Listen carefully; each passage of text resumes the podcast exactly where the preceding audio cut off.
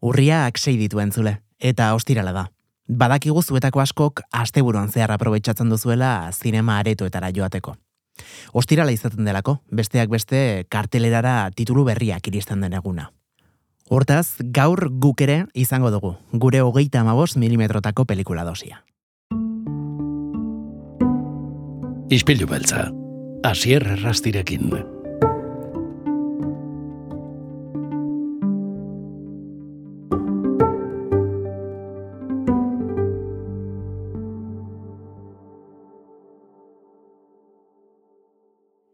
Jon Patxe, ongi etorri gure izpilura. Eskarrik asko, bai.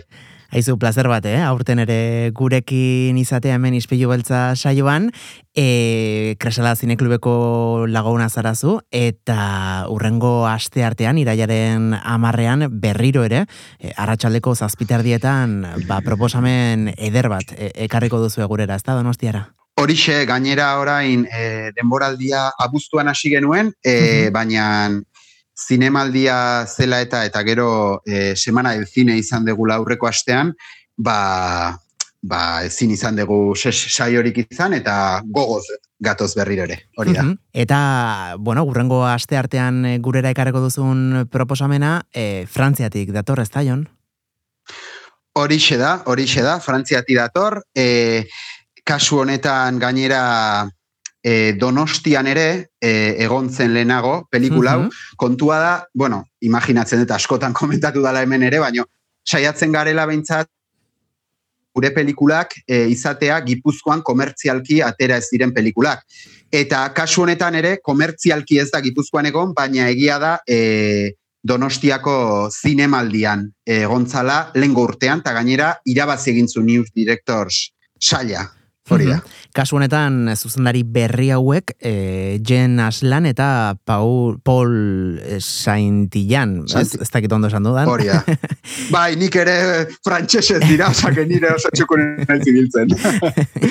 eta, eta ipatu duzun moduan, bai, e, New Directors e, saileko, bueno, ba, film honenaren sariara mantzuten, e, pasaden urteko irurogeita margarren donostiako zinemaldiko e, bueno, ba, edizio hartan, E, ez dakite, bueno, ba, zer aurkitu genezaken urrengo aste artean pantailan, FFI ikustera e, joango garenok?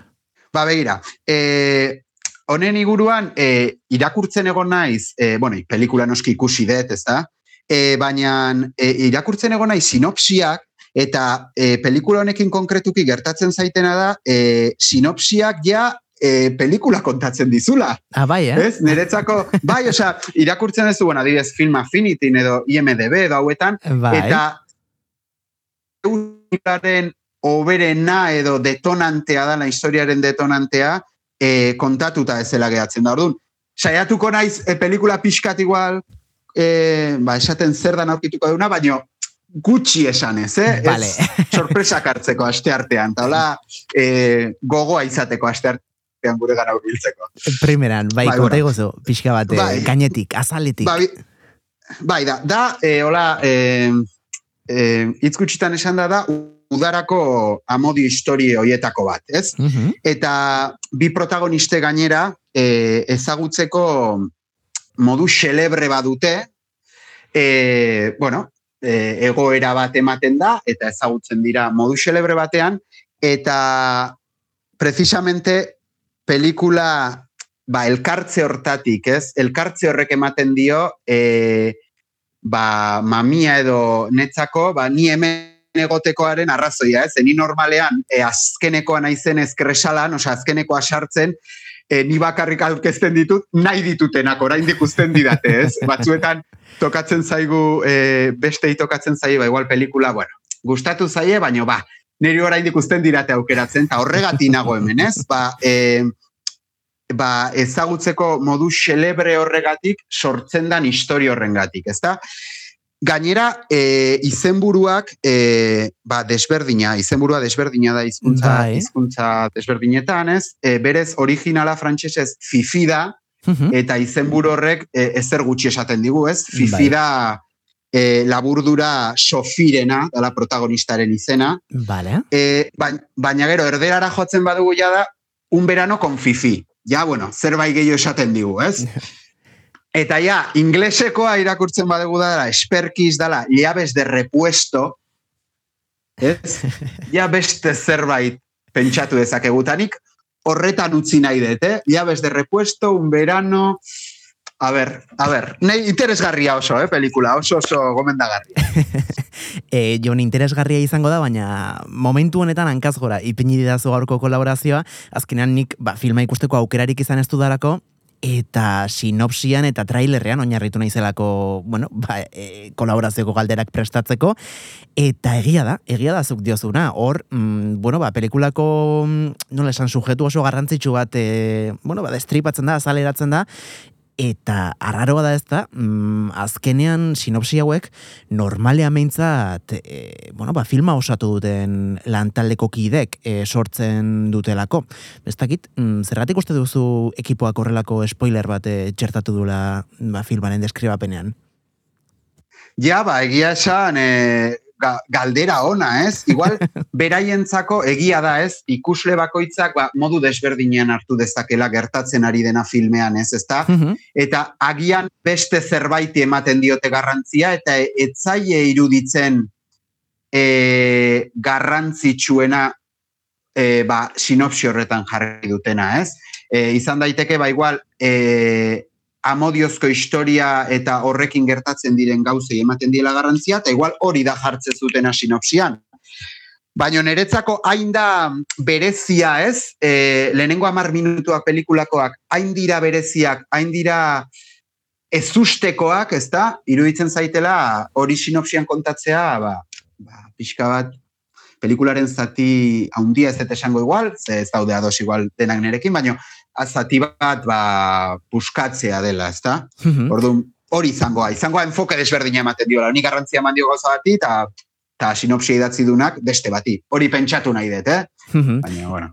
Magia ipatu duzu, magia kasu honetan eh, Sofiren eta eta Estefanen arteko, ez? E, harreman horretan datza Hori edo da. hortik abiatzen da. Hori da. E, zure ustez, harreman horren, bueno, ze alderdi dira, e, nabarmenak, e, bueno, ba, zinemane ikuspegitik, hau da, e, e, nola kontatzen da harreman hori?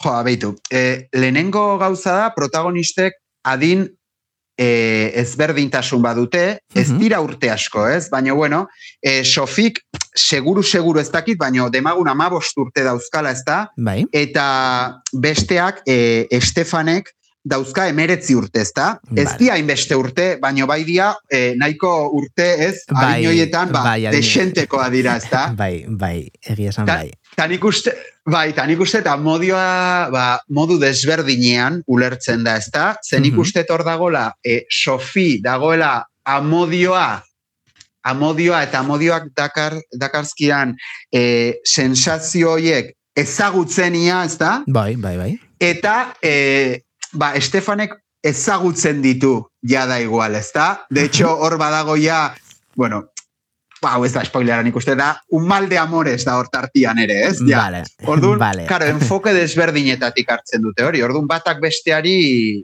ba, batak e, Sofik Estefani e, freskotasuna, igual berriro erakusten dio, Mhm. eta este, Estefanek ere, ba, eskarmentu hori ukitzea, ba, bueno, erlazio hori, ez? Da pixkat behaien historia abiarazten duna eta Mhm. martxan jartzen duna, nik usten dut. Ze Bai. polita ez da, Sofiren inozentzia hori, ba, kasu honetan maitasunatik sufritu duen e, Estefanen, bueno, ba, ba parean jartzea eta eta bi alderdi horiek, ez da, nola ere kontra jartzea e, filmean zehar. E, filma ipatu dugu, e, Frantzia dela, eta gainera Frantziako, bueno, landagunean kokatzen da, ez da, e, udara giroan, Horixe. E, Bai, bai, e, Nantzin konkretuki, Frantziako ekialdean, hori da. Zer, zer eragin du zure ustez, bueno, ba, kokapen hori aukeratzeak filmaren historioan eta eta sortzen duen atmosfera horretan? Bai, jo, ba, ni pentsatu nun, e, nei aberasgarria iruditu zaitau, ze egia da nahiko neri iruditze zaitau, nere iritzia guztiz, eh? Da, e, frantsesek, frantsesak nahiko zentralista diala. Eta gehiena Parisen gertatzen da, edo Bai. bestela beste garai batean gertatzen da, baina orain gertatzen diren gauzak, gutxitan ikusi deni pelikula bat, e, ba, konparazioz beti, eh? Lionen gertatzen dana, edo Burdeosen gertatzen ez dakit, ez? E, orduan, e, bai iruditzen zait, e, garrantzitsua dela, ba, ikusteko e, egoera desberdin hauek, ezta? Ze Estefan, udara pasatzera dator, Parisen ikastetik, Vale. ez?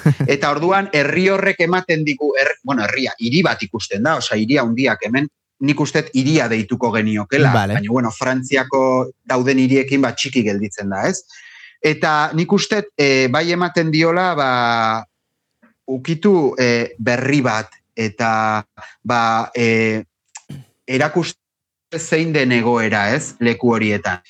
E, ze gainera ez da, egoera ez dute berdina bi protagonistek. E, Sofi bizi da e, famili batean, de hecho, neri engantxatu zidana pelikula honetaz, hasierako estena da, da, non ikusten dan, dala e, langile klase, vamos, e, de libro edo bai, osea, langile klasea, pilo ba jende bizidia etxean, e, diru barazoa dauzkate, e, Sofik jama urte ditu eta pilo bat eskatzen diote egiteko, ez? Hori dago, ez? Hori igual isladatzen da alde hortatik, baino gero Estefan dago, dala famili on batekoa, famili dirudun batekoa, ez?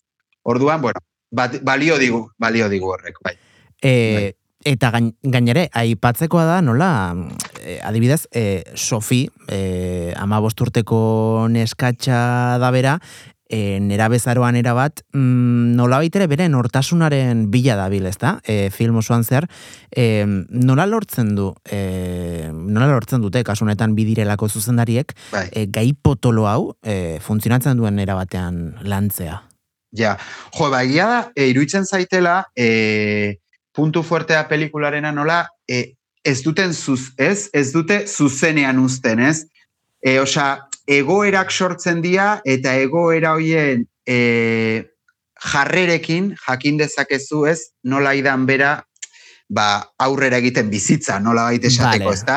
Vale. Ze gainera, bera nahiko hotza da, ez dakit nola esan, ez? Mhm. Osea, e, normalean neri gustatzen zait pertsonaiek e, ba, espresiboak izatea adibidez, ez? Ba, daude aktore batzuk esatetela, jo, sariak irabazituztetala, baina nahi ez diate zer esaten, ez? E, e, arpegi hauek. Ta, hauek da, ez dala bat ere espresiboa, bea, ea, bueno, ez dakit personaia dan horrela eskatu diote guztiz, edo aktriza dan e, e, bai, a- halako inespresiboa dana, delako. ez dakit. Mhm, Bai.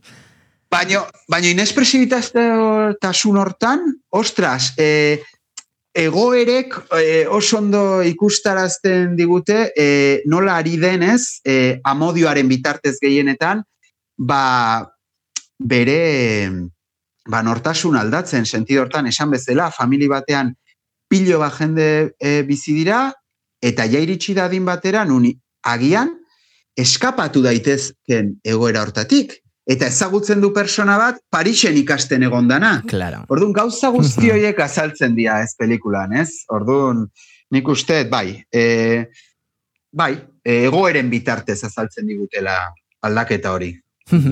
e, Jon aipatu duzu zuri pertsonalki asko gustatu zitzaizula Fifi filma.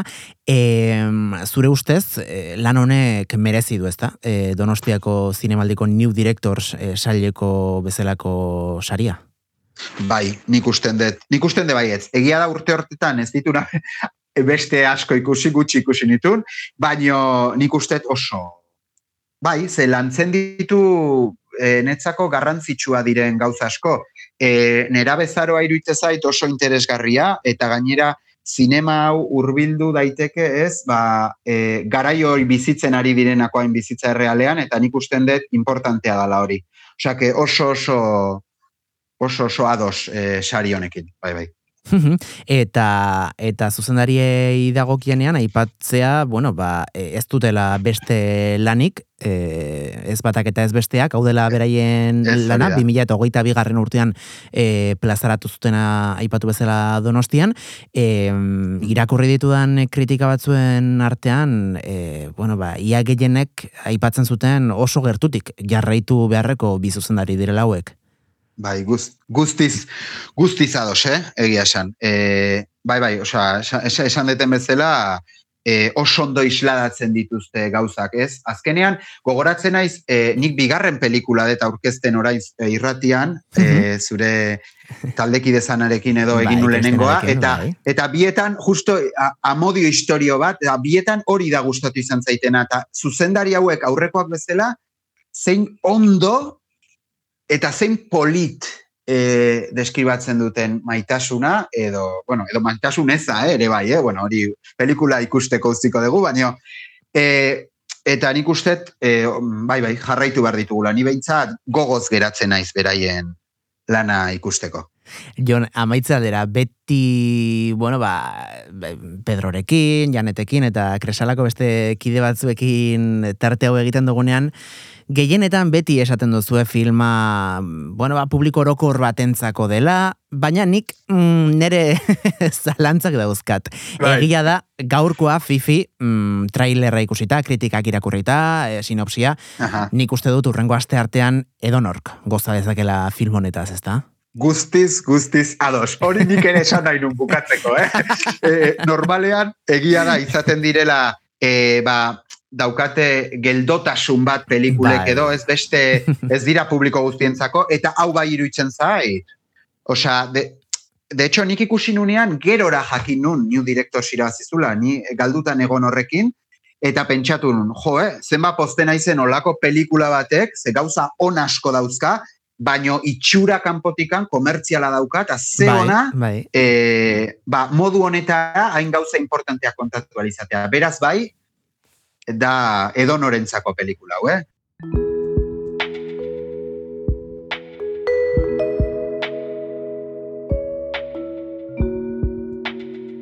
Ba, baizu, e, guzti hau esan da, urrengo aste artean, arratsaldeko zazpiterdietan trueba zinemetara gonbidatuko ditugu entzuleak, e, aste artero moduan, bueno, ba, zuen emanaldia izango delako, kasu honetan Fifi filma, e, ondoren zu izango zara, ezta? E, foruma edo kolokioa zuzendoko duena? Horixe, horixe izango naiz, e, e, pelikulak e, bukatzen denean, ba, hortxe egoten gara ordu erdi batero hitz egiten, eta gainera gustatzen zaigu eta neri ere asko lagunduko didate e, jendeak ba, beraien iritzia eta beraien komentarioak esaten badituzte. Eta hor bai, ja hitz egingo dugu ondo ondo pelikula orain kontatu e, nahi ez ditudan gauza guzti hori, ez ezta? Ba, ba horretarako urrengo aste artean zuengan agerturatu beharko gara. Jon Patxe, mila milioi esker gurean izateagatik gaurkoan ere. Ba, eskarrik asko zuri. esker.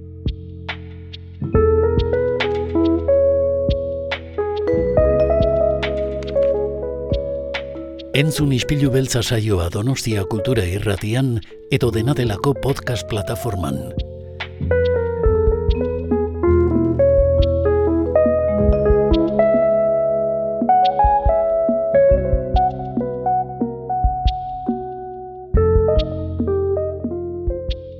Badakizue, ostiraletan nor izaten den gurean, Kristina Tapia goizi ongietorri. Egunon, hasi zer moduz? Ondo, oso ondo, bueno, pixkat eh, penarekin, egia esan. Bueno, zer bada? Mm, zuk badakizu, nik. zuk kontatuko duzu oranik, Zu kontatu zuk. bai. Lehen urtean, bueno, ba, urte osoan zehar gurekin egon ostean, e, izpi beltzaren gidari izan zenalako, Kris, e, aurten ere egon zara, bueno, ikasturte berri honetan bai zinemaldian, irekin batera eta baita ere aurreko asteetan, agenda errepasatzen, baina gaurkoa da zure azken eguna gurekin. Bueno, momentuz esan dezakegu. Momentuz. igual, Momentuz.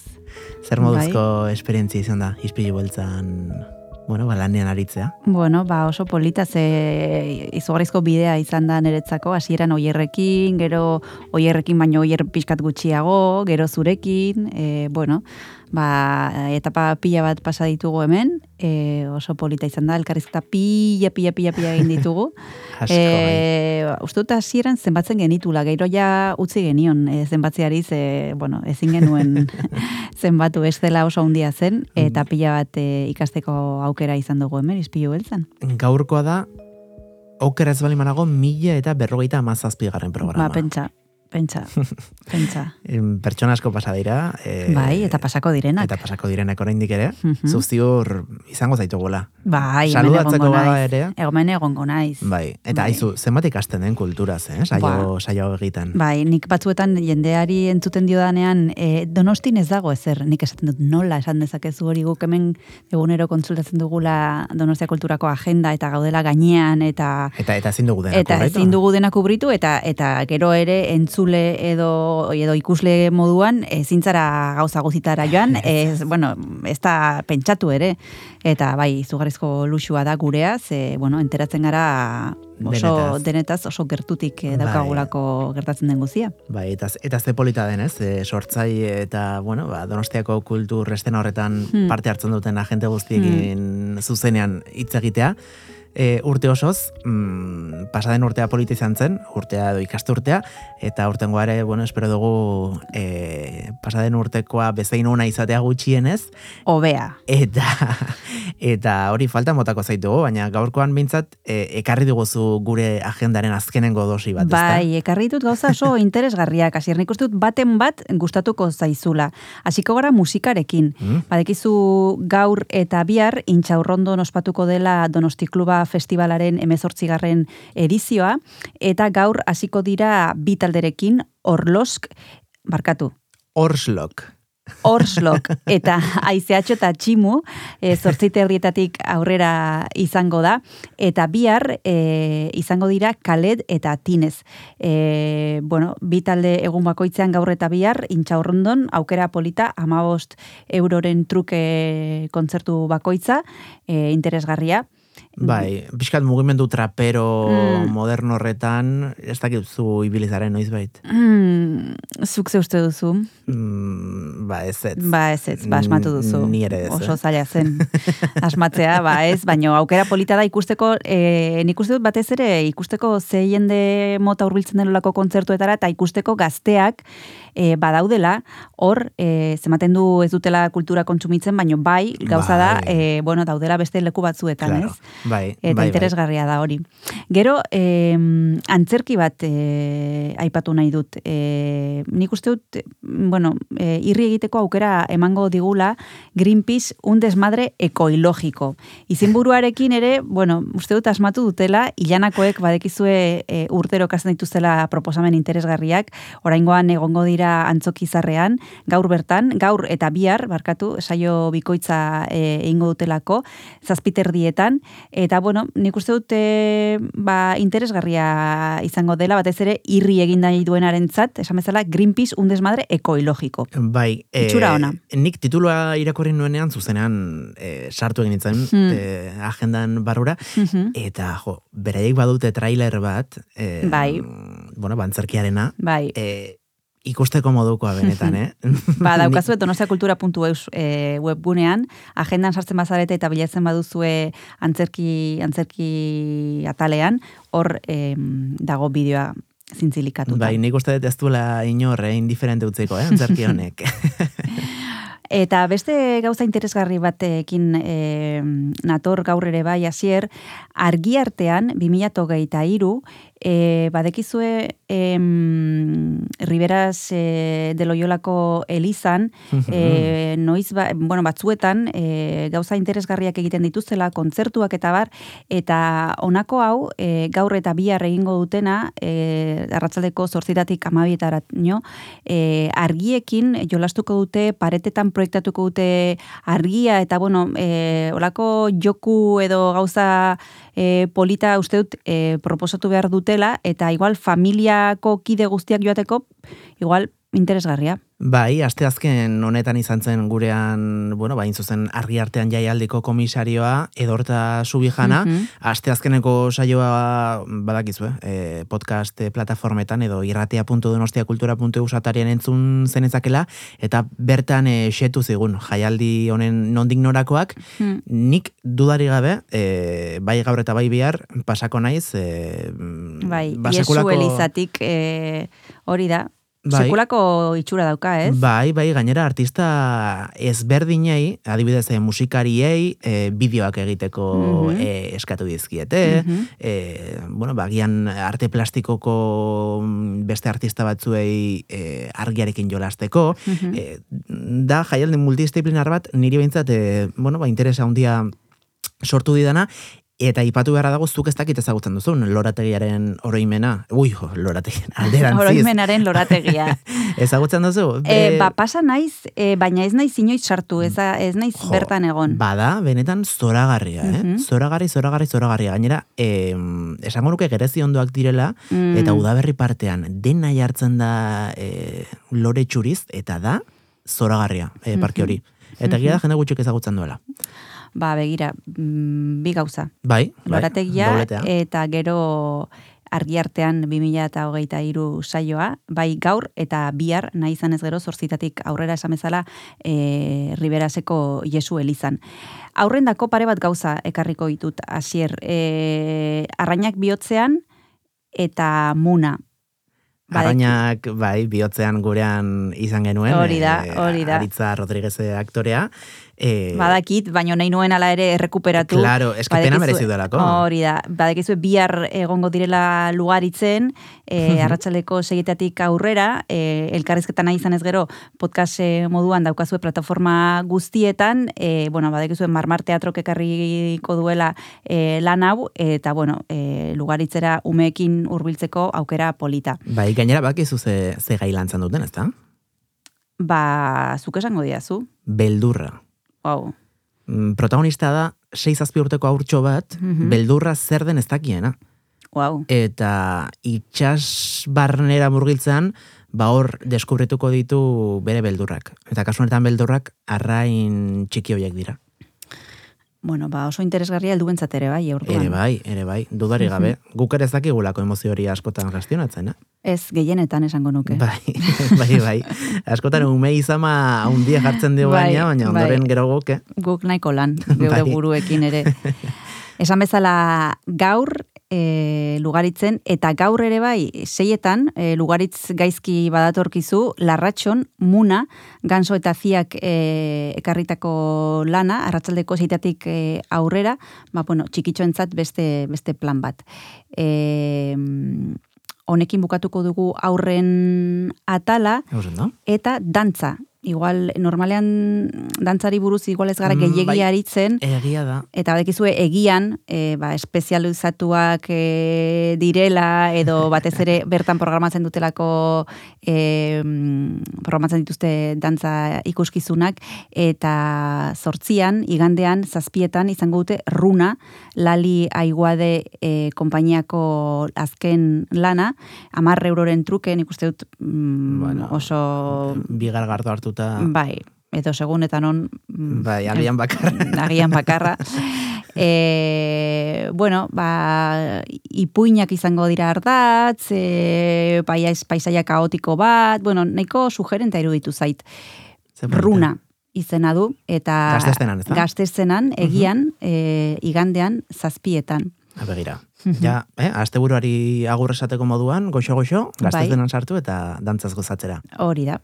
Gero, gauza bat aipatuko dut, baino ez dago sarrerarik, beraz, e, mm, enbidia da, emateko? esatearren, baina enbidia emateko, bai, e, badekizue e, biki luengo aktoreak izugarrizko arrakasta e, izaten ari dela e, Bai. prima faisi e, lanarekin, Victoria Eugenia Antzokian egongo da igandean, zazpietan, baina, bueno, aspalditik e, agortuta daude sarrerak, beraz, e, Bai. sorte dunazu, Azken baten bat baldin badaukazu, baina... Azken aldian boga-bogaan dago, eh? Biki luengo da. eta, Hori eta gurean ere, bueno, ba, bintzat, batzuk, ez dakigu nortzuk, baina batzuk disfrutatuko Bai. dute. Bai, Lanaz. hori ga- gauza batzukin egon behar da oso, Bai. oso adi eta oso azkar. Baina bueno, Bai, bai.